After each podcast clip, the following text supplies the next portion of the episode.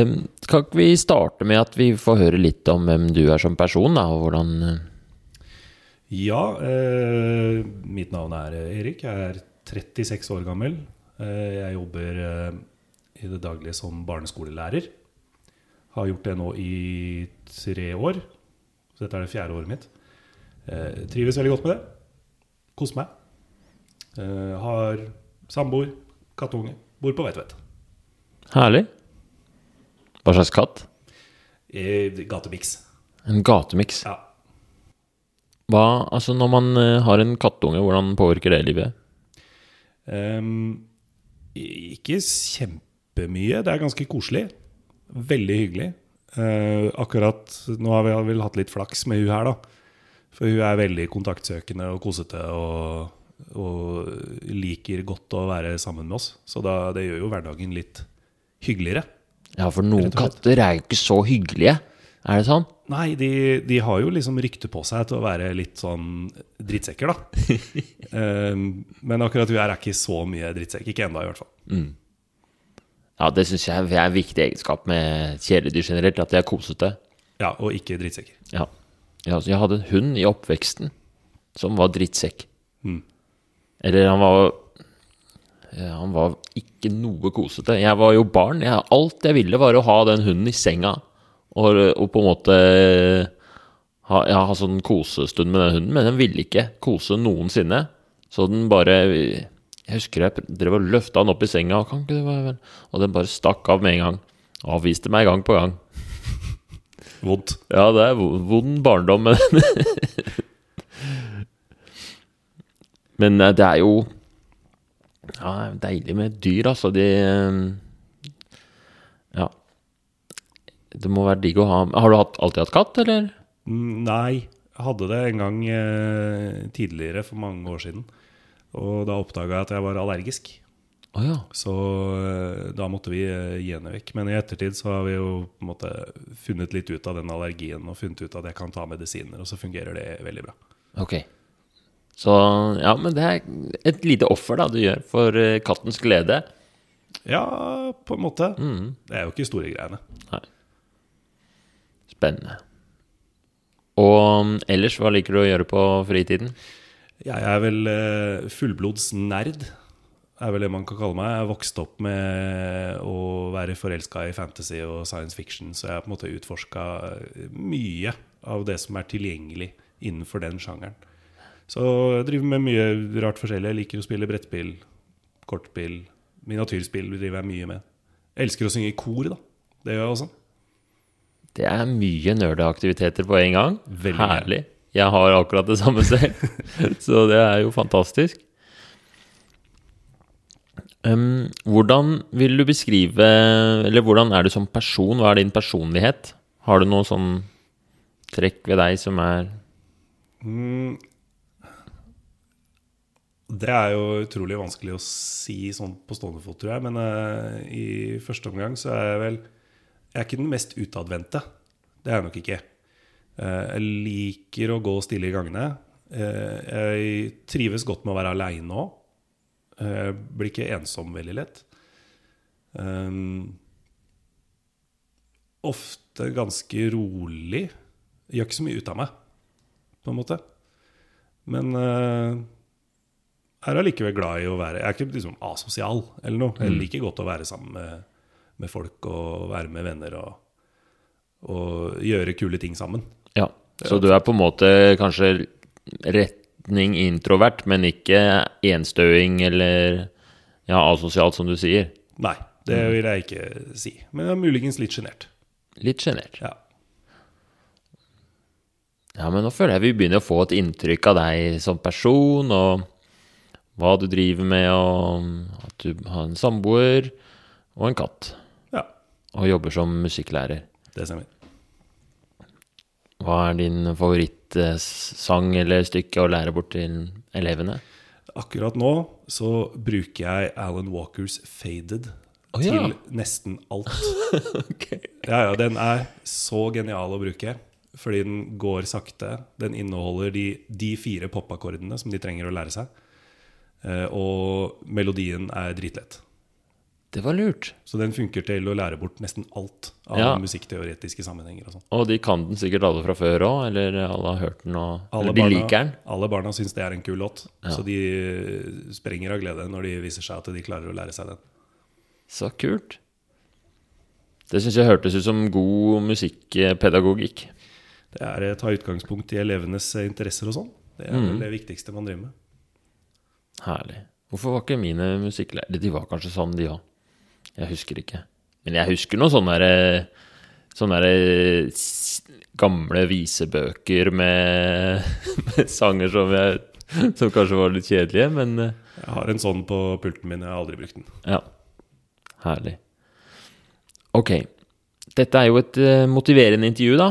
Eller um, en samtale om endring, egentlig. Og mm, har du noe du har lyst til å endre på, eller vurderer å endre på?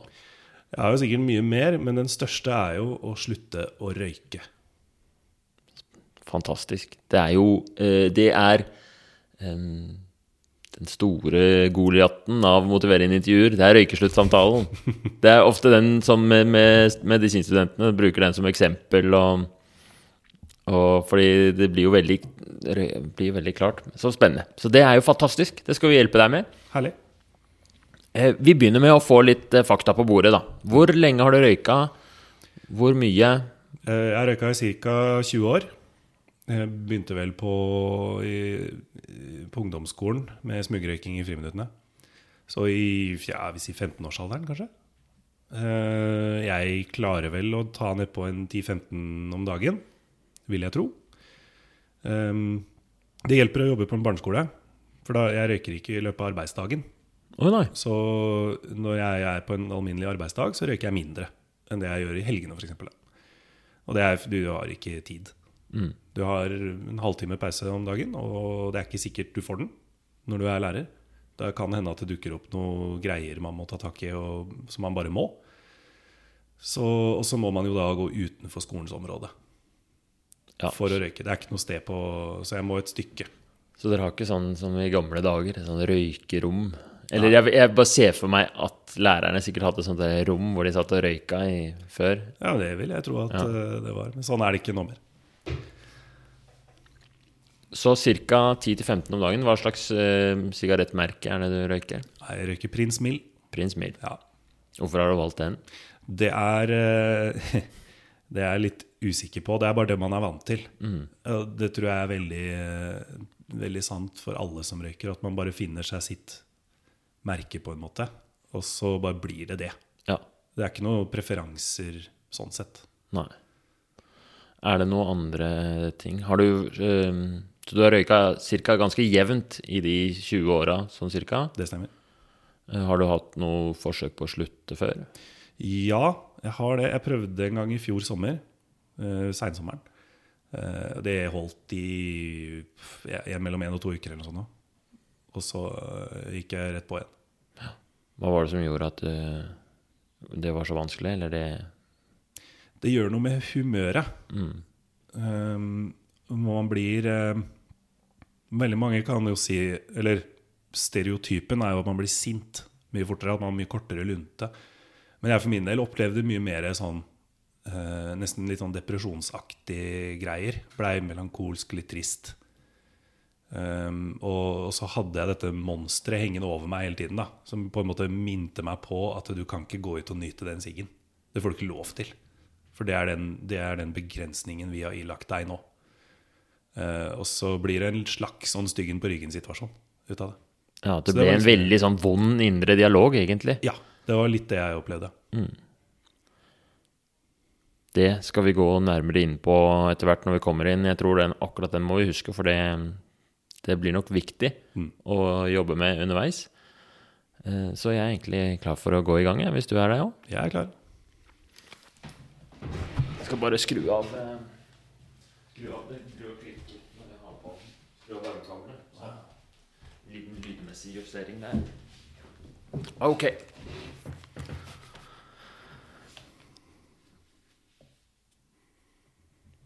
Ok, da skal du få litt instruksjoner først. For nå skal jeg spørre deg om fordeler og ulemper med endring, så i dette tilfellet røykeslutt. Og din jobb er å svare så fritt og ærlig som mulig. Og det er fint hvis du utbroderer og kommer med eksempler. Skal prøve. Og noen ganger så kan det hende det dukker opp følelser, sånn som nå, da. ikke sant? At det var sånn depresjon og sånt. Og de tingene der er helt gull å dykke inn i. Så jo mer på en måte følelser og ting vi kommer fram til, jo bedre. Og det er ingen, ingen svar som er feil, og du kan ikke si eller gjøre noe galt. Og mm, min jobb det er å være nøytral og akseptere situasjonen som det er. Så mm, jeg skal på en måte ikke prøve å påvirke deg på noen som helst måte.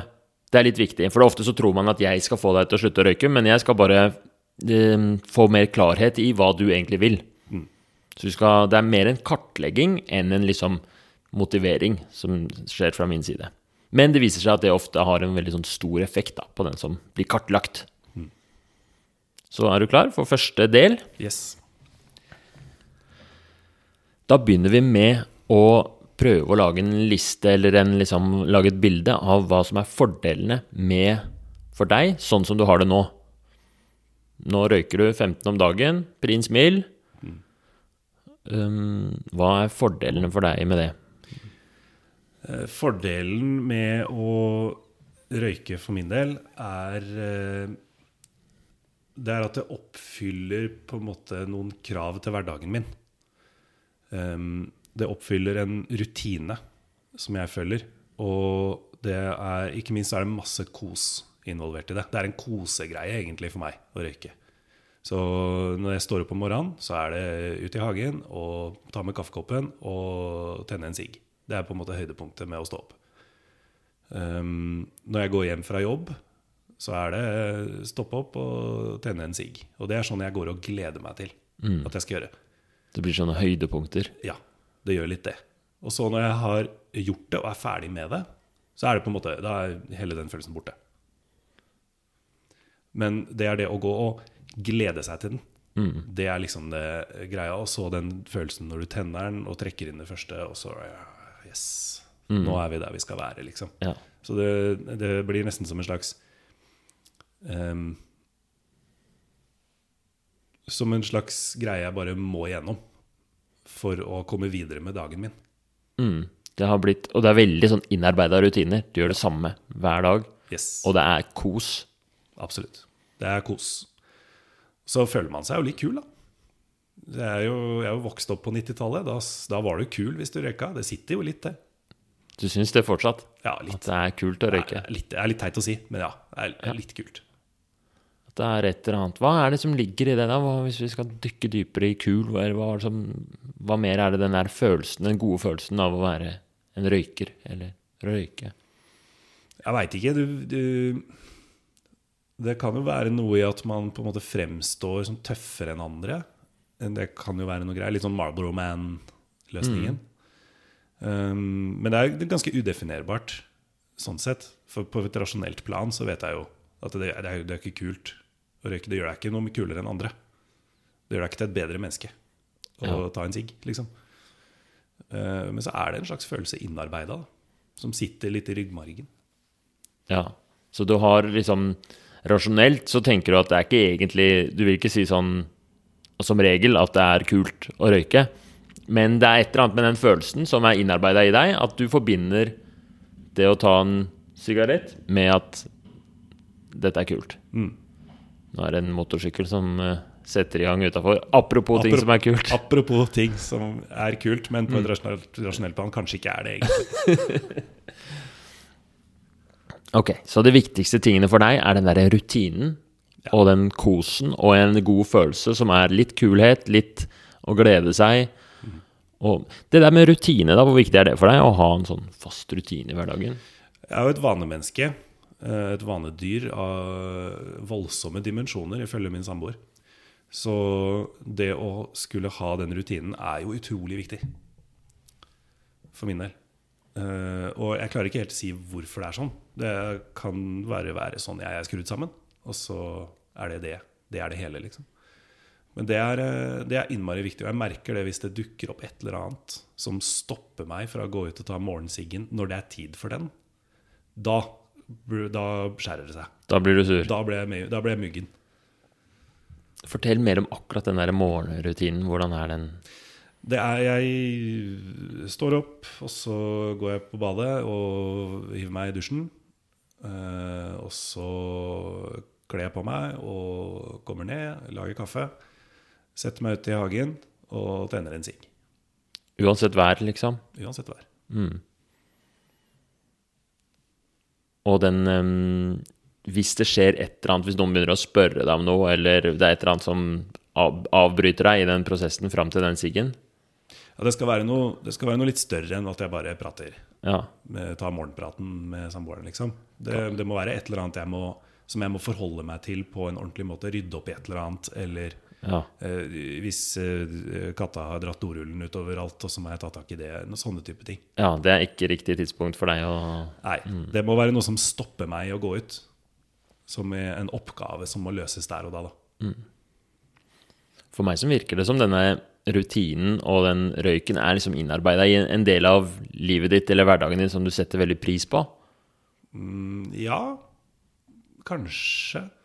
Øh, jeg, jeg tenker egentlig mest bare på det som en nødvendighet. Det er noe jeg må gjøre. Så det er ikke nødvendigvis sånn at jeg setter stor pris på det. Um, ja, det, det blir feil å si det òg, for jeg koser meg jo når jeg gjør det. det er jo, jeg har det ekstremt hyggelig når jeg sitter og drikker kaffen min og uh, tar røyken og scroller sosiale medier eller leser nyheter eller spiller spill eller et eller annet. Så, så det er um, Men det er også noe du må. Ja, det er absolutt noe jeg er nødt til å gjøre. For at dagen skal kunne gå videre. Ja. Så det er litt sånn utenkelig å ikke ha den Ja, litt. Jeg skjønner, da, da skjønner jeg at det var vanskelig å slutte den gangen for eh, i fjor sommer. Ok. Men du kom jo hit med eh, en slags eh, tanke om at du hadde lyst til å slutte. Så hva er det som er ulempene med å røyke, da? Eh, Min første tanke går jo til Det er egen helse som er på en måte det første jeg tenker på. Eh, og det har, eh, jeg har fått noen sånne oppvekkere på det i, det siste året. For jeg hadde en tante som døde av lungekreft i januar i fjor. Um, og hun blei 60-61, tror jeg. Hadde akkurat blitt bestemor første gang. To måneder tidligere. Og så fikk hun diagnosen, og så gikk det tre uker, og så var hun død.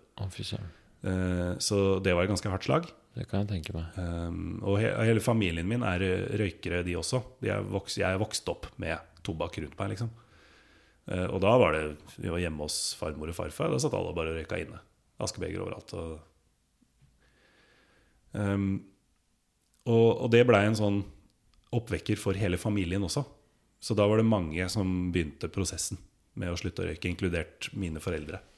Som er i samme båt som meg. Så de, og de sliter også veldig med røykestoppen. Jeg tror faren min har greid det nå, men jeg lurer på om han kanskje smugrøyker litt. Okay. Jeg er litt usikker. Um, og da ble det jo en sånn Da ble liksom da, Når alle begynte å snakke om det, så blir på en måte oppvekkeren forsterka. Ja. Det er ikke bare en personlig erkjennelse for deg selv. Det, det blir på en måte forsterket av at alle andre rundt deg også prater om det. Og da begynte jeg liksom å kjenne litt presset på det. Og i tillegg så har jeg det siste året utvikla en ganske habil røykehoste.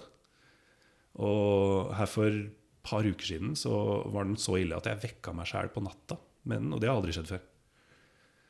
Eh, og da tenkte jeg liksom Oi, nå begynner det å bli på tide. Hvordan var det, ja, den følelsen da du gjorde det? Da, Eh, den, den var kjip, den var jo det. Men den var kjip i den forstand at nå må jeg løse denne oppgaven. ja. Som er å ta vekk denne gleden jeg har i livet. da Det ble et skikkelig det var en sånn wake-up call fra kroppen din til Ja. deg selv. Stemmer nok det. Så i løpet av de siste Altså siden to år siden, så har du både fått en, en eh, et signal fra Altså du, at tanta di døde av lungekreft i ganske sånn tragiske omstendigheter. da, Ung, med nettopp fått barnebarn. Og så i tillegg så får du litt sånn signaler fra kroppen om at dette ikke er bra for deg. Uavhengig av det liksom av hva man sier om røyk og sånt, men du kjenner det, at du får den der røykehosten. Ja, absolutt. Og så er det jo det er masse andre hensyn som jo tas. Eh, penger, økonomi. Absolutt en av det. det da jeg begynte, så kosta en 20-pakning 55 kroner. Nå koster det 150. Så det, er, det, det merkes på lommeboka òg. Ja, Hvor mye penger bruker du på røyk, cirka? Nei, det har jeg ikke regna så nøye på, men med 10-15 om dagen, og så er det 150 kroner pakka, så kommer man jo gjennom en tre-fire fire pakker i uka, kanskje. Cirka 100 kroner dagen, da. Ja, omtrent. Så det er jo 3000 i måneden. Omtrent. Mm. Det er mye penger. Det er mye penger. Mm. Hva skulle du Eller hvordan merker du det, liksom? At du bruker såpass penger på det? Det, det merker du jo på det som er igjen på konto. Når lønningen kommer, liksom. Mm. At det er ikke så mye. Er det noe du ikke unner deg fordi du røyker? Eh, Ja, det vil jeg kanskje si. Men eh, det, det er ikke på en måte én fast ting. Det er bare Nå kunne jeg tenkt meg å handle inn dette til hobbyen min. Nei, det kan jeg ikke. For jeg bruker 3000 kroner i måneden på sigg. Ja.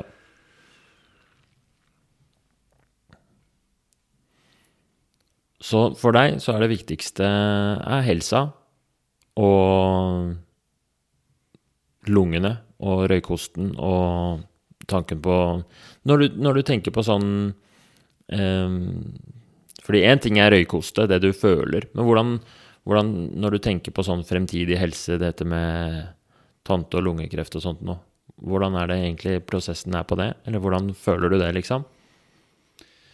Um, I Akkurat lungekreften er ikke sånn som jeg går rundt og tenker så nøye på, egentlig. Eh, Det er, det er en masse andre helseplager ved røyking som jeg tenker først og fremst på. eh, Som kols, for eksempel Mm. vil jo være mye vanligere Ja. enn lungekreft. Lungeemfysem. Eh, Hva er det for noe? Tette blodkar Jeg er litt usikker på hva lungeemfysem faktisk Ja. er, for jeg er ikke legen. Men jeg vet at min farfar hadde det da han døde. Nemlig. Ja, for jeg er jo lege, så jeg burde vite hva lungeemfysem er. ja. Det er vel en slags eh, en komponent i kolsen og emfysem er der når du får Nei, nå husker jeg ikke. Men i hvert fall det som skjer med, med røyking, er at disse mm, Eller skal, jeg fortelle? Er du interessert i å høre? Bare fortell. Så, for jeg lurer på om det er det mm, Det at Eller kolsen består i at eh, det er flere prosesser som skjer, da, men en av de tingene som skjer, er at de der små altså lungeblærene de ser ut som drueklasser, på en måte.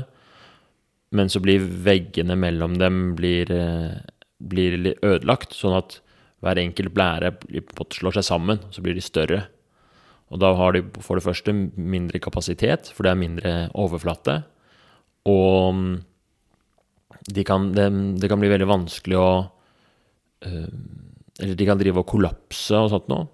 Som gjør at du kan få Altså hver enkelt blære kollapser. Fy søren, dette er lenge siden jeg har vært eh, Jeg har jobba for mye i psykiatrien. Jeg har ikke vært gjennom patofysiologien til kols på lenge.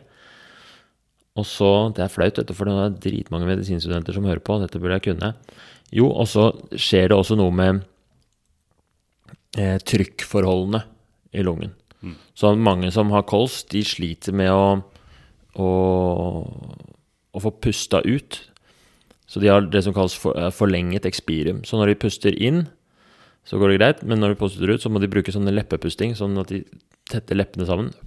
Og for å få liksom lage mottrykk, sånn at de får pusta ut. Mm. Så, um, så den derre Fordi i disse blærene så er det et naturlig trykk. Sånn at um, når man puster ut, så er det jo på en måte som om du bare slipper. Og så bruker man muskler for å puste inn. Og så kan man slippe for å puste ut, for det er et naturlig trykk der. Mens da hvis du, de der blærene blir um, litt ødelagt, så får de der med kols får sånn utvidet De får ofte litt sånne store brystkasser. tønnebryst, fordi, fordi det, det er egentlig lungene som holder ribbeina litt sånn sammen. Ja. Dette her, jeg beklager det her, jeg var mest fordi jeg var så nysgjerrig på det selv. Så det, var, det her har ingenting med motiverende intervju å gjøre. Det er sånn typisk tabbe man gjør som lege, er at man begynner å forklare. Fordi det føles riktig forklare. Men nå kom vi helt ut av det. Så dette var egentlig dumt. Men for å dra det inn igjen, da. Ja. Så er det, da det, de, det er de helsemessige plagene jeg kanskje er mest redd for. Ja. For eh, hvis man får lungekreft, så er jo det Ja, det er selvfølgelig dritkjipt. Men enten så går det bra en stund, eh, og så, hvis man har skikkelig skikkelig griseflaks og oppdager det tidlig nok, så kanskje man til og med overlever litt. Eh, og så blir man alvorlig syk, og så dør man. Det er på en måte lungekreft. Eh, så det jeg er mer bekymra for, er eh, å bli sånn syk at ikke, ikke så syk at jeg dør av det, men så syk at jeg f.eks. ikke kan gjøre de tingene jeg liker å gjøre. Nemlig. Eh, og, så, og det vil jo, kols vil jo være et typisk eksempel på det. Ja. At du plutselig en dag en sånn ikke kan gå i kronisk sykdom. ja, at du ikke, Hvis du plutselig en dag ikke kan gå i trapper, så er det Ja. innmari vanskelig å jobbe som lærer. Ja. Eh, og det er kanskje det som er mest tynger mest, da. Det gir mening. Hvordan føles det å gå rundt med, med den bekymringen? Eh, jeg, jeg dytter den jo fra meg, uten tvil. Eh, den eh, Jeg dytter den bare framover i tid. Mm. Dette er noe som 40 år gamle Erik må forholde Ja, seg til, på en måte. men det er bare fire år til. Riktig. Så foreløpig så tenker du at det er ikke helt Det er ikke liksom relevant for deg her og nå. Dette er noe du skal ta tak i seinere. Ja, eller det er også en tanke som kanskje er lurt å komme seg unna. Ja. Er, er jo noe jeg har tenkt. Eh, men det er jo ikke sånn at hver gang jeg tenner meg en sigg, så tenker jeg på all kolsen jeg skal få snart. Ja. Eh, for det ville jo også vært Det ville jo vært veldig trist. og ganske selvdestruktivt. Ja. Så det er noe Det er noen mekanismer og barrierer der da, som eh, stopper meg fra å tenke på det, men det stopper meg jo da fra å tenke på det på en sånn måte at jeg ikke går igjen og slutter. Ja. Så hvis vi skal oppsummere den ene disse to første spørsmålene om fordelene og ulempene med å røyke, så på den ene siden så har du altså så mye kos ved det, med glede. Det blir en sånn ting du gjør i livet som er helt innarbeida. En skikkelig god vane, syns du. Som, eller altså deilig på mange måter, og som er helt nødvendig for deg. Du vet ikke hvordan det skulle gått uten. Du må, sa du i stad, at det er noe du må gjøre. Det stemmer. Og i tillegg så er det jo den, den følelsen med den, den første utepilsen. Pakka av ligger på bordet, askebegeret ved siden av. Fytti gris, det er ingenting som slår det. Ja, du forbinder det med, med andre gleder også. Ja, ja, ja. Og den første utepilsen uten røyk hadde blitt litt fattigere. ja. Rett og slett. Så det er, og jeg ser jo det på, jeg ser det i øya dine, liksom. Dette her er store gleder for deg, på den ene siden. Og på den andre siden så har du det, Når du snakker om det om å slutte, så snakker du om det som noe du absolutt skal. Og du har eh, mistet familiemedlemmer i lungekreft, og du tenker mye på de helsemessige årsakene. Og det er en bevegelse i familien hvor, eh, hvor folk driver og, og slutter. Foreldra dine jobber med det. Og i tillegg til det økonomiske, så, så er det jo Det er jo veldig sånn motsetningsfylt, da. Mm. Hvordan føles det så langt i intervjuet å snakke om det? Det føles eh, helt greit, det. Jeg var, eh, allerede nå så kjenner jeg at jeg har visst masse tanker om dette. Mer enn jeg trodde at jeg hadde. Mm. Så, for jeg har jo aldri på en måte, gått dypere inn og snakka med noen om det. Vi har bare hatt den praten hjemme, samboeren og jeg. Skal, skulle vi kanskje slutta å røyke? Ja. Ja, får vel prøve, da. Ja, For hun røyker også. Ja. Mm. Begynner det. Hvordan er det for henne, da? Uh, hun er også uh, Hun er nok også litt i samme båt som meg, at hun tenker at det røykeslutten det er noe vi må gjøre. Uh, og hun har jo også prøvd før med større suksess enn det jeg har. Eh, da jeg slutta, så hadde hun allerede holdt opp i en måned, tror jeg. Og hun holdt en god del lengre enn det jeg gjorde. Eh, Men så plukka hun det opp igjen, da, for det er så vanskelig å holde på røykeslutten når, eh, når den du bor med, ikke gjør det. Ja. Så, så er jo hun er jo også lærer. Stressende hverdag. Eh, Du har ikke altfor mye overskudd når det liksom brenner som verst. Så da, og da blir det veldig vanskelig å skulle gå inn i en sånn oppgave. Så jeg, litt, jeg tenker kanskje litt på henne òg, da. At hun også har veldig lyst til å slutte, og det avhenger litt av meg. Det blir enda hele Alt blir liksom dobbelt så viktig fordi det er to stykker involvert. Det stemmer nok, det. Ok, la oss snakke litt om hvordan det ville vært å slutte, da. Um, vi kan begynne med hva ville vært fordelene med det. Ehm, Det aller første var jo at jeg ville jo vært at jeg blir rikere. Ja, Få mer penger. Det er vel kanskje det første jeg hadde merka, tror jeg. Det hadde gått en måned, og så hadde jeg blitt overraska over å ha 3000 kroner ekstra på konto. Um, Hva var det første du skulle brukt de 3000 på?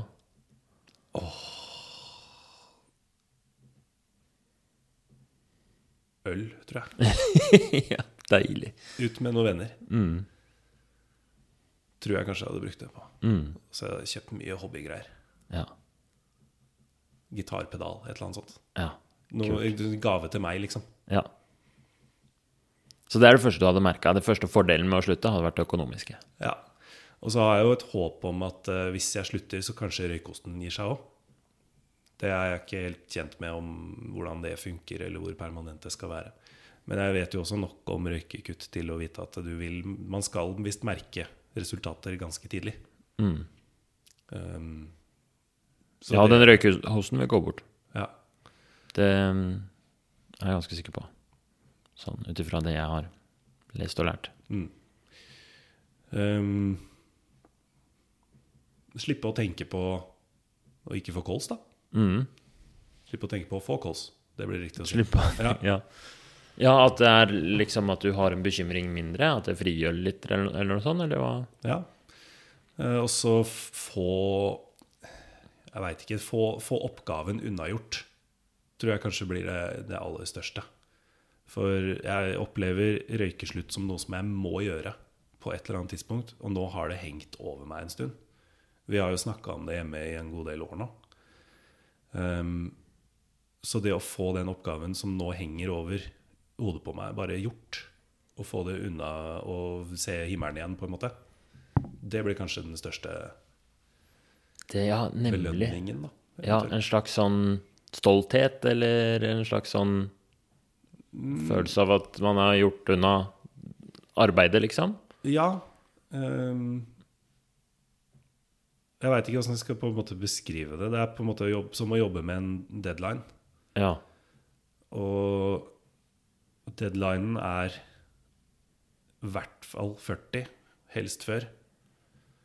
Eh, For jeg veit at etter 40, 50, 60 så bare stiger lungekreftkurven noe massivt. Mm.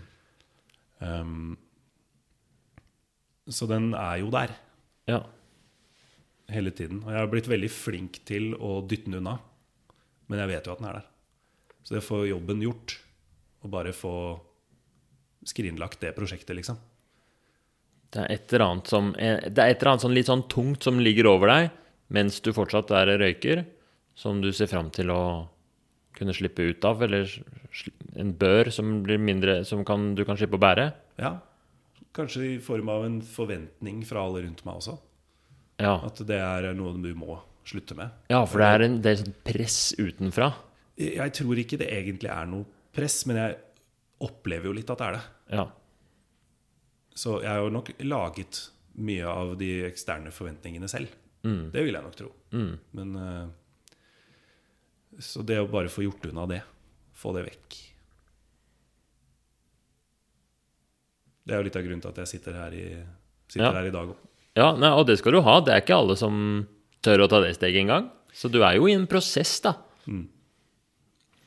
En, jeg bare lurer på, for det er én ting som er veldig til felles for folk som har eh, Som røyker.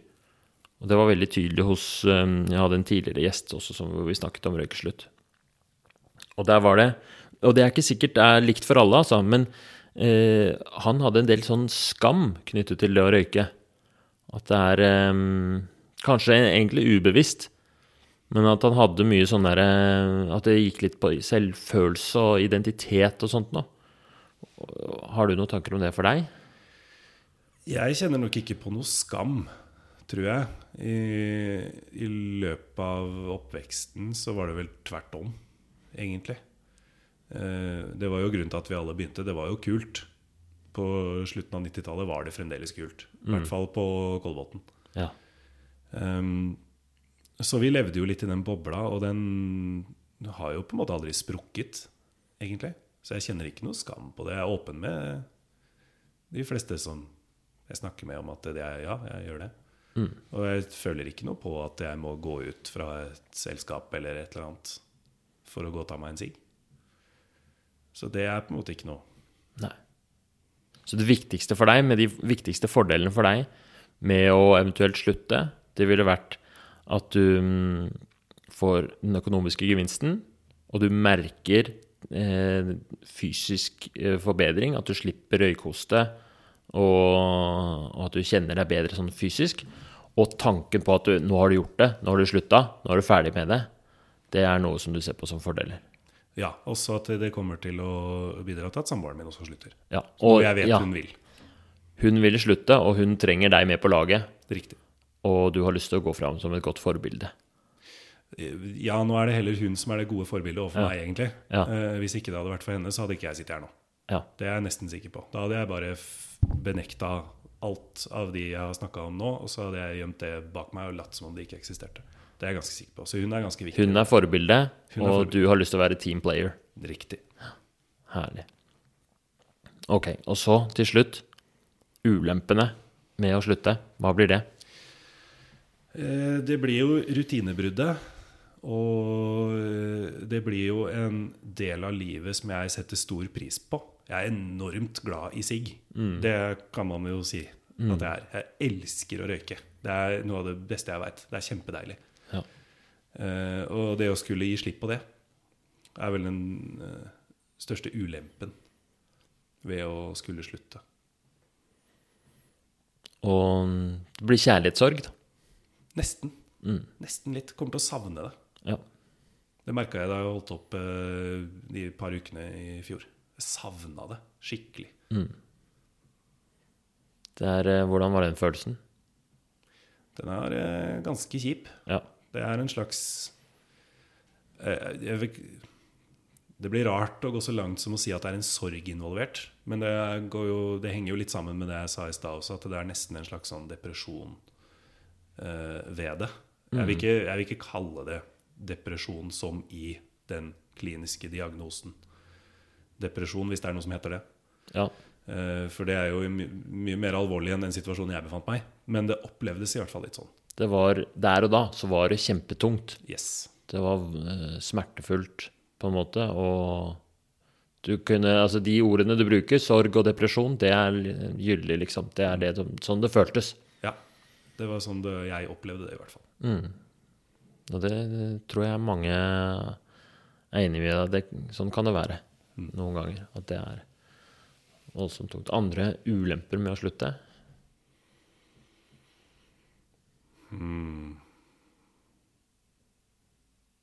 Ikke som jeg klarer å komme på i farta, tror jeg. Det viktigste er den her, det savnet.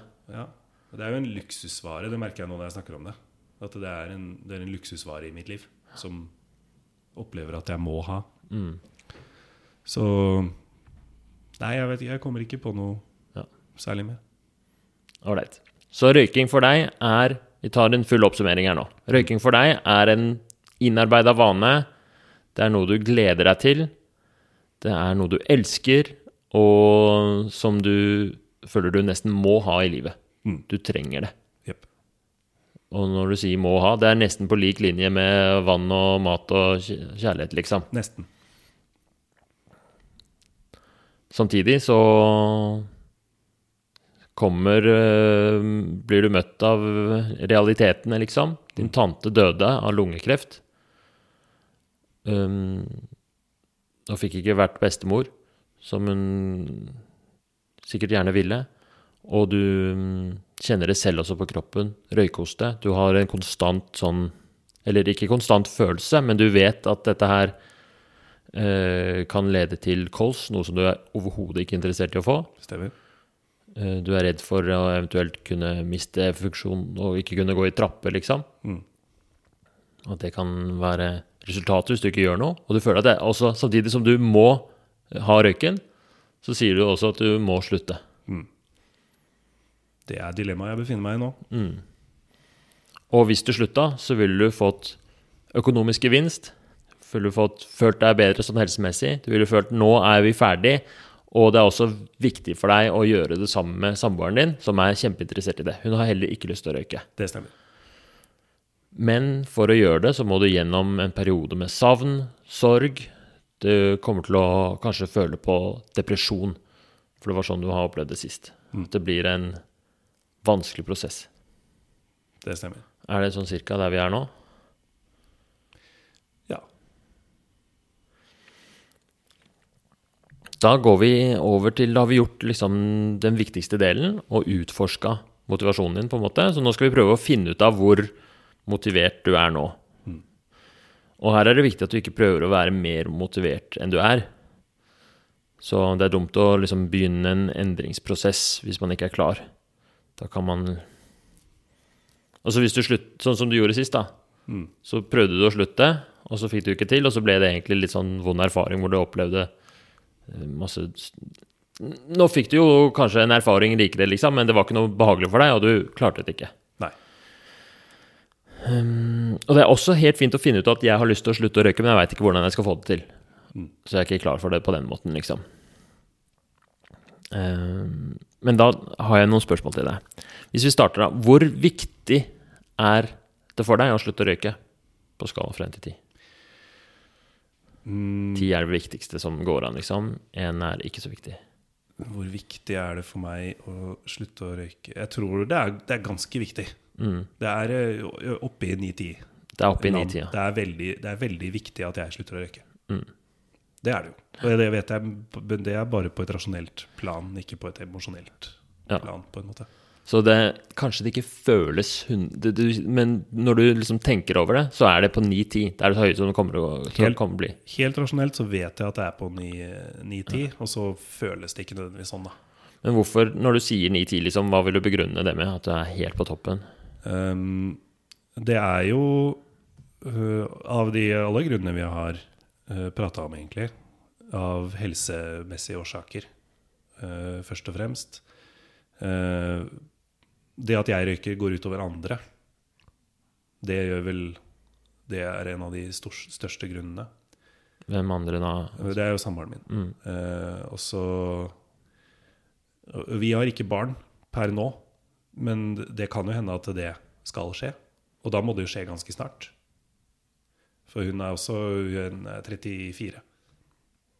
Så da begynner vi å få dårlig tid på det, og da må man jo slutte. Mm. Um, så jeg vil si det er mye store greier Ja. som tilsier at jeg bør slutte å røyke. Og dermed så er det viktig for meg å gjøre det. Veldig bra. Neste spørsmål. Hvor stor tro har du på at du kan gjøre en endring fra 1 til 10? Uh, det er liten. Liten. Jeg har ikke stor tro på at det er en oppgave jeg kommer til å klare. Så der er vi nede i to-tre, kanskje fire. To, tre, kanskje fire. Ganske lav på, på den. Det er der det egentlig fordi det er ofte så tenker vi at motivasjon består av de to. Det er viktigheten av en oppgave, og så er det den trua på mestringstillit, kaller de det da. Mm. Trua på noe man kan få til. Og der er det jo kanskje ganske lavt, faktisk. Det er, ja, sånn Magefølelsen sier det, i hvert fall. Tre-fire. Ja. Men du sier tre-fire, du sier ikke to. Hvorfor det? Jeg, jeg føler det er veldig vanskelig å plassere et tall på det, sånn sett. For det er så mye faktorer som spiller inn. Sånn at mm, øh, Hvis man snakker om viktigheten av å, å slutte, f.eks., så hvis du legger til grunn helsemessige årsaker, det at det går utover andre og sånn, ja, da er det kjempehøyt. Viktigheten av å slutte økonomisk sett er jo ikke så stor. Jeg har råd til å røyke, liksom. Mm. Har jeg. Hvis jeg bestemmer meg for å ta meg råd til det, så ja, da er Ja. ikke det så viktig. Så det er mange faktorer som spiller inn, på en måte. Ja. Eh, Så det at jeg kan bli ufør, det er eh, Det er viktig. Det booster Ja. viktigheten opp til høyt. Eh, Men det som jeg lurte på, var sånn mestringstilliten. er på La oss si den er på tre, da. Så det er jo forholdsvis lavt. Men den kunne vært på én. Noen kommer her og sier nei, det er umulig.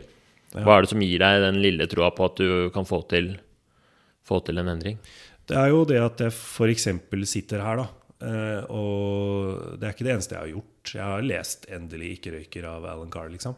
Eh, Så jeg har prøvd en eh, Jeg, jeg søker Ja. etter, etter hjelp, Mm. rett og slett. da Mm. Jeg prøver å finne veier til målet. Eh, Og det gjør jo at jeg tenker at jeg har en sjanse. Ja, nemlig. Så selv om du ikke ser helt hvordan du skal få det til, så gjør du det som er aller viktigst, og det må jeg bare berømme deg for. Fordi det at du søker hjelp, øh, leser, det skiller de som får det til, fra å ikke få det til. Det er jeg helt sikker på. At hvis man står i det helt aleine, og liksom bare tenker på det, da er det mindre sjanse for at det skjer. Mens når man gjør sånn som deg, og ut og snakker om det, snakker med samboeren sin om det, da mm. Så det er jeg helt enig i i den vurderingen. Det syns jeg var godt sagt. Ok, noen flere kontrollspørsmål, da. Er du villig til å gå gjennom den perioden med sorg og depresjon? Hvis det nå legger jeg, legger jeg til grunn at det er sannsynligvis en tidsbegrenset periode, og det er litt avhengig av fra person til person, og litt avhengig av hvor lenge man har røyka. Og den er helt klart sterkest i starten, men så er det en sånn hale med en viss sånn sorg og depresjon som varer en stund, da.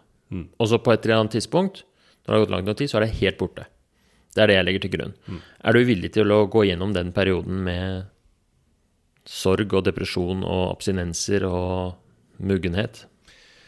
Ja, det vil jeg jo tro.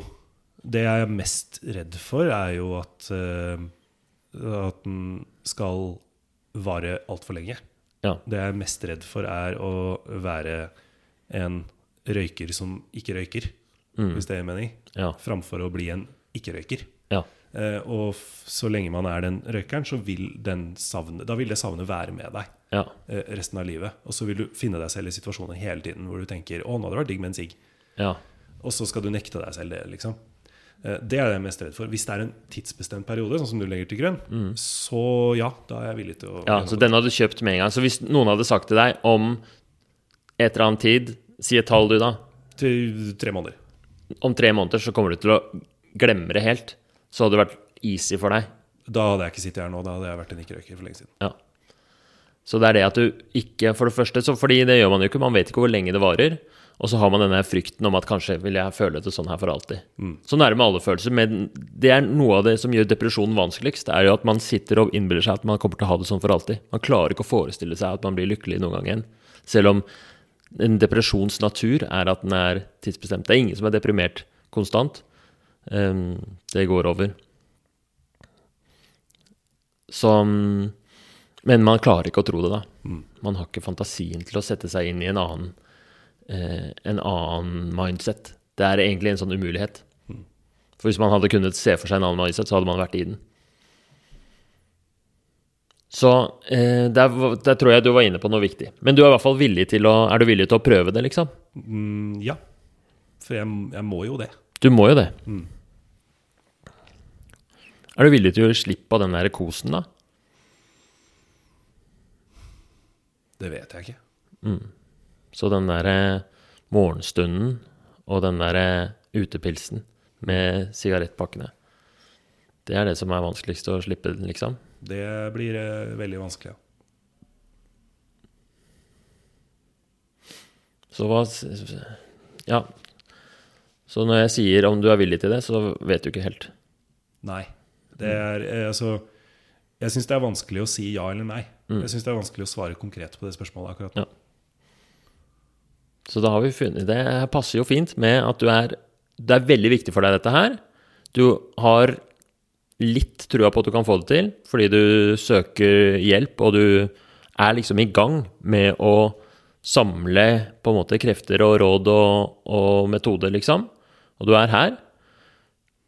Og du er villig til å gå gjennom den der tunge perioden, men det er et eller annet med den der kosen som du ikke helt klarer å gi slipp på ennå. Det stemmer nok, det.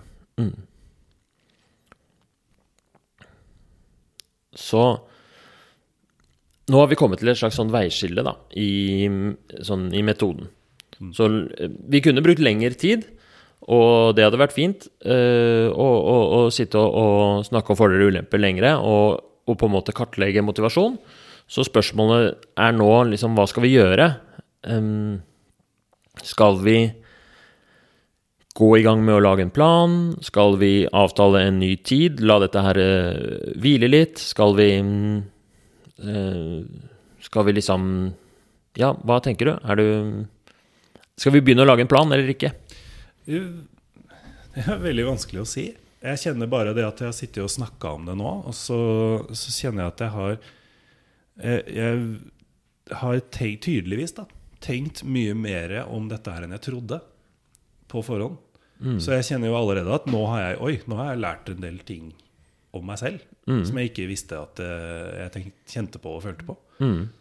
Um, så jeg, jeg sitter nesten og fordøyer det litt Ja. selv enda. Um, jeg hadde jo jeg hadde sett for meg på forhånd Så hadde jeg på en måte ikke sett for meg at jeg kommer hit, og så prater jeg med Herman, og så går jeg ut døra, og så skal jeg slutte å røyke.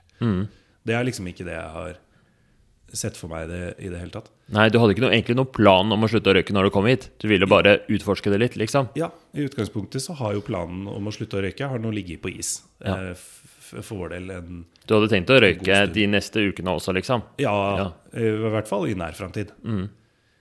Um, så jeg, jeg veit faktisk ikke. Uh, vi kan jo bare satse, da. Se om vi klarer å legge en plan. Finne på noe Se hva som dukker opp, liksom. Hvis du vil det. Altså, hva eh, Det som er viktig for meg Jeg kan lese opp det som står da på når vi lager plan.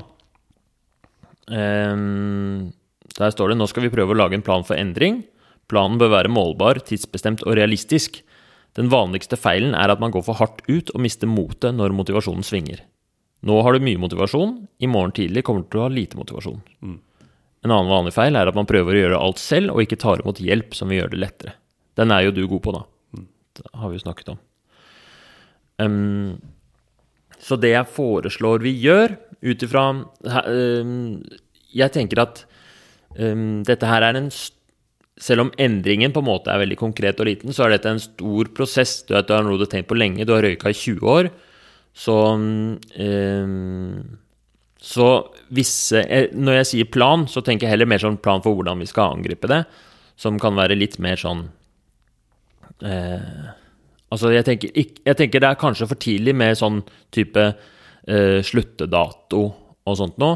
At vi er heller mer i sånn Hvordan skal vi lage planen, planen på en måte. Okay. Hvordan føles det? Eh, Det Akkurat nå så kjennes det egentlig ganske bra. Så vi Jeg kommer til å stille noen spørsmål til. Og så avtaler vi en ny tid for å snakke sammen. Og så prøver vi å finne Så er liksom egentlig planen er hva skal du gjøre fram til neste møte? Nettopp. Um, og da tenker jeg at vi ikke ennå setter noen sluttedato, eller noe sånt, men det er mer på den derre eh, Det som vi må utnytte her, er uh, av dine ressurser, er særlig det som du sa, at uh, det er veldig viktig for deg. Så vi må liksom jobbe videre med det, og så få fram den viktigheten. og få den, Fordi det, du vet at det er viktig kognitivt, men det føles ikke. Ikke sant? Så vi må jobbe med den. Og så må vi samtidig det der med mestringstilliten. Det er at det, det som du har som gjør at du har litt trua på at dette kan gå, det er det at du er flink til å søke hjelp og bruke de rundt deg som inspirasjonskilder, liksom. Både din samboer og kanskje andre i familien og sånt noe. Så det er liksom de to tingene som må være de første elementene. At vi samler troppene litt der. Høres det, Gir det mening? Ja, absolutt.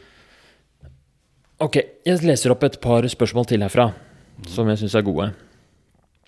Eh, kan du fortelle om en gang du har gjort en endring som fungerte? Uh, oi. Kan jeg det? Det kan være hva som helst, egentlig. Det er jo et veldig sånn åpent spørsmål, da. Men Ja. Uh, jeg er jo en type som uh, normalt ikke trives så godt med endring. Jeg liker at ting er som det er. Eh, noe som frustrerer min samboer noe helt vanvittig. For hun sliter jo med å få med meg på alt mulig rart. Um, men det jeg har opplevd, er jo at For hun er veldig flink til å på en måte drive ting videre. Løse greier. Um, Oppussing og sånn hjemme, f.eks. Kjempegodt eksempel på det.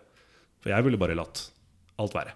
Mm. Det, så lenge det elektriske røret er i orden, whatever, liksom. Mens hun er mye mer opptatt av at eh, det skal se bra ut, og man skal ha ting ordentlig, og man skal rydde opp i og reparere ting og oppgradere og sånn.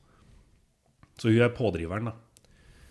eh, For de endringene som skjer Ja. i livet mitt, på en Ja, jeg får et bilde av hvordan det er i familien. Liksom. Det er veldig Ja. fint. Mm. Og hun driver på med det, og, og så sier jo jeg bestandig sånn Nei, men det er ikke nødvendig, skal vi gidde å bruke penger på det, da? Og så blir jeg liksom sur, han surmaga gamle fyren, ikke sant. Eh, som er en eh, veldig dårlig egenskap å ha, egentlig. Og så ser jeg jo i ettertid, når uh, vi har kommet oss gjennom det, at uh, ja, hun hadde jo selvfølgelig rett. Dette ble mye bedre. Um, Så du har erfaring med at når du først gjør en endring, og du får det jo til Det krever litt sånn press fra samboeren, men så føles det bra etterpå. ja, det gjør jo det. Og så er det en sånn ting som er Det er helt teit at vi ikke hadde dette før. Ja. Jeg tror det i seg selv, å ha den erfaringen og ha på en måte En ting er at du sier at du liker ting sånn som det er, men du har i hvert fall bevisstheten om at ofte når du gjør endring, så føles det bra etterpå. Ja, og så er det jo det at jeg er enormt lat. Det hjelper ikke i det hele tatt. For jeg har ikke lyst til å gå og gjøre disse tingene. Hun anser dette bare som en jobb å gjøre. Gjør det, bli ferdig. Ja. Mens jeg anser dette her som en sånn det, det, her, her er vi inne på oppgaven som må løses, ikke sant? ja. Eh, som henger over deg. Og så eh, må jeg gå og gjøre det, og så gidder man ikke. Og så finner man en unnskyldning, og så utsetter man. Og så er, der er jeg ekstremt dårlig. Det vil jeg si er kanskje min dårligste egenskap. Så det er eh, Så det var det motsatte av svaret på spørsmålet. Det var liksom når du har fått Eller det jeg prøver å få til, er å få deg til å fremme liksom mestringstillit, da. Ja. Og så går du rett på at du er rad. Men det er bra.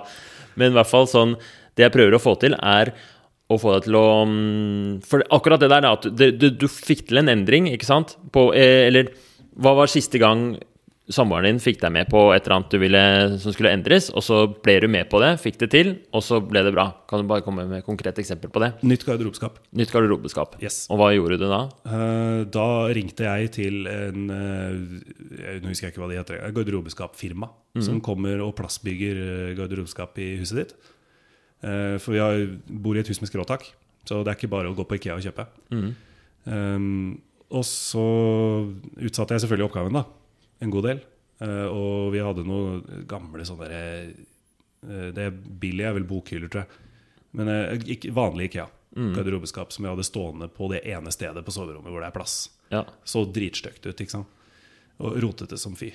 Og så ga hun meg den oppgaven. Og så ringte jeg til de folka, og så kom de med prisoverslag, og de kom og målte og styrte, og så kom de og monterte. Brukte en hel dag.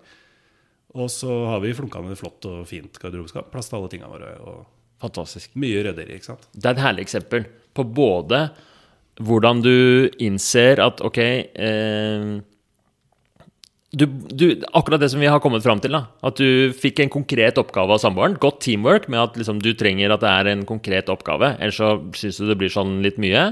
Det stemmer nok veldig bra. Og så eh, delegerte du og søkte, søkte hjelp. Det her skal vi ikke fikse sjøl. Ikke noe sånn kjøpe på Ikea, få det til å passe til. Og så resultatet er det som er viktigste. Flunka nytt, dritnice garderobeskap. Stemmer. Hvordan føles det å, å få kjeft for å Jeg syns det var voldsomt sånn eh, selv... eh, Det motsatte av selvforherligende der. At det er sånn fokus på at du er lat, men resultatet er jo dritbra. Men det toucher jo kanskje litt innpå den typen jeg er også. At jeg har, jeg har nok også en tendens til å snakke meg sjæl litt ned. Eh, og det hjelper jo ikke når du skal prøve å motivere deg til noe. Så, Nei, det er fort gjort at, man bru- at det blir en sånn måte man utsetter et problem. Å si sånn Nei, men jeg er for lat, eller Ja, eller jeg klarer ikke det. Ja. Fordi det er ikke innenfor mine evner. Men det, det føles jo bra.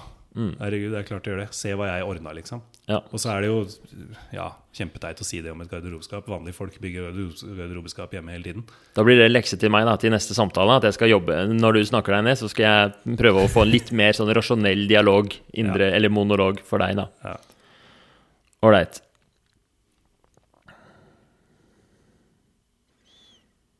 Så eh, bare hvis vi tar det vi har jo vært litt inne nå, men den lærdommen fra den garderobeskaphistorien til røykeslutt, hva blir det for deg da? Ehm, jeg, jeg, jeg tror kanskje den beste lærdommen fra det er at det må, man må starte, i hvert fall. Mm. Tror jeg.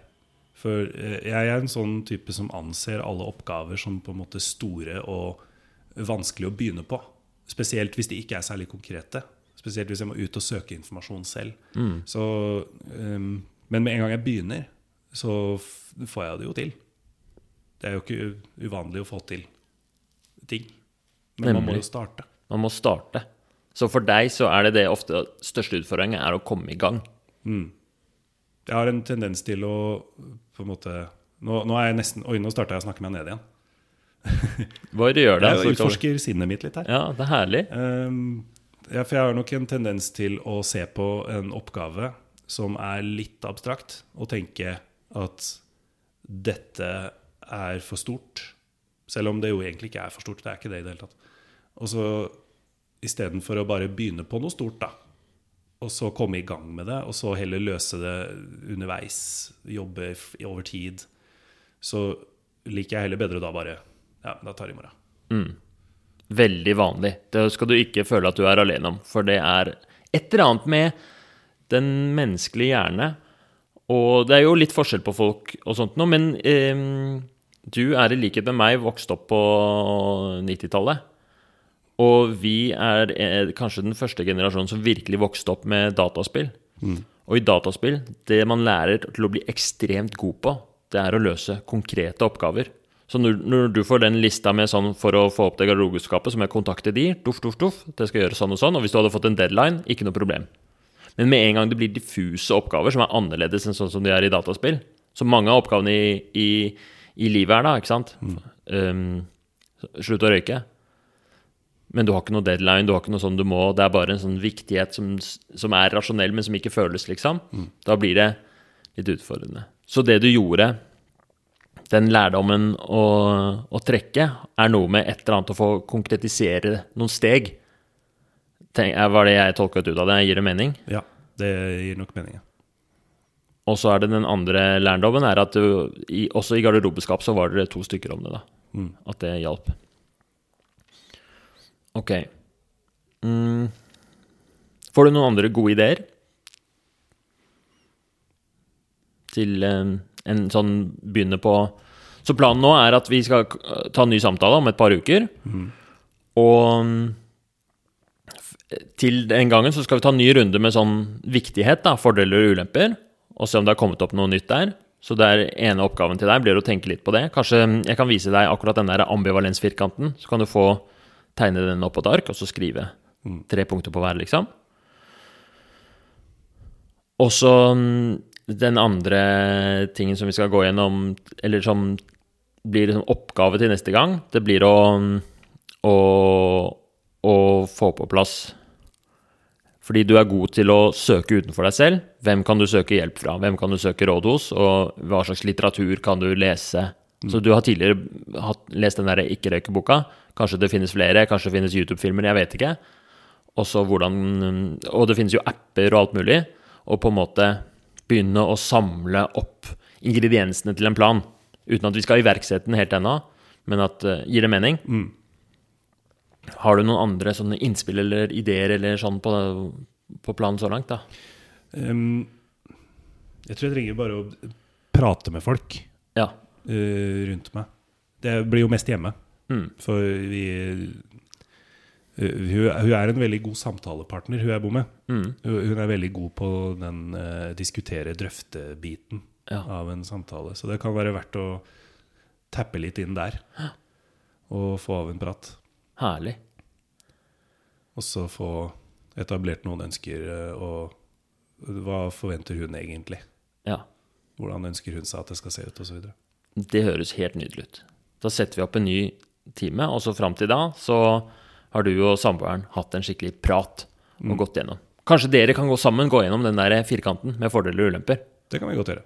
Er det en, eh, så kan, du, så, så kan vi neste, starte neste episode med at jeg spør deg hva er for henne fordelen og ulempene. Både for hennes egen del og for din del, og som team, liksom. Så tar vi to røykeslutt for prisen av én. To røykeslutt for prisen av én. Høres veldig bra ut. Er det noe mer som står i malen her nå? Planlegg oppfølging. Jo! Um, ja, for nå har vi snakket om um, om denne planen er målbar. Det er den jo. Fordi jeg vet neste gang om du har snakka med samboeren din eller ikke. Er den tidsbestemt? Det er den. To uker cirka, ca., eller noe sånt nå. Vi avtaler en tid etterpå. Um, hvordan kan du gjøre planen mer realistisk? Er det et eller annet med, med det her som er urealistisk? Er det liksom for stor oppgave, dette her, syns du? Nei, da, per nå så er det jo ikke det. Per nå er det greit. Nei. det er én blir- prat med samboeren, og du skal ta fram denne eh, ambivalensfirkanten med fire spørsmål Mm. som dere skal fylle ut og ha klart til meg til neste gang. Ja. Er det for mye? Nei. Det vil jeg ikke si der. Hvilken hjelp kan du få for å sikre gjennomføring? Det, dette er godt nok. Hvilke råd ønsker du fra meg som lege? Oi um, Det vet jeg ikke. Faktisk. Kan du tenke litt på. Da Mm. kan vi ha et punkt til til neste gang. Hvilke råd Jeg kan tenke over uh, hvilket råd uh, jeg Ja. ønsker. Mm. Fordi um, Det kan jeg også tenke litt på, om det er noen sånne konkrete råd som man gir, burde gi til alle med røykeslutt. Eh, For det er det jo. Mm. Så da kan jeg, jeg kan samle sammen det til neste gang. Tusen takk. Vær så god. Supert. Takk for at du har stilt opp så lenge. Du har gjort en kjempejobb. Virkelig gravd. Du har fått eh, det du sa, at du hadde liksom oppdaga at du hadde tenkt mer på det enn du hadde trodd sjøl. Eh, det, eh, det er vanlig, særlig når man har gjort en god jobb i intervjuet, liksom. Og du har virkelig gjort akkurat som du ble bedt om. Utforska, kommet fram til forskjellige ting, og eh, sagt det som det er. Mm. Har du noen tanker til slutt? Noen avsluttende ord? Hvordan føles det nå? Det, er, det føles eh, ganske bra. Det er jo som du sa i stad, akkurat nå så er jeg ganske motivert. Uh, og så er man jo ikke det i morgen tidlig igjen, liksom. Ja. Så nei, dette føles ganske fint, det. Så bra. Egentlig. Og bare så det er helt klinkende klart, fram til neste gang vi møtes, så røyker du så mye som du vil. Det er ingen, eh, ingen eh, plan om at du skal Mm. slutte å røyke fram til nå. Det, er, det må eventuelt bli etter neste gang. At vi begynner å snakke om det. Ja. For det føles veldig trygt og godt. Ja. Så kos deg med den morgenrøyken, og, og, og så tar vi og møtes igjen om to ukers tid. Det høres veldig bra ut. Herlig.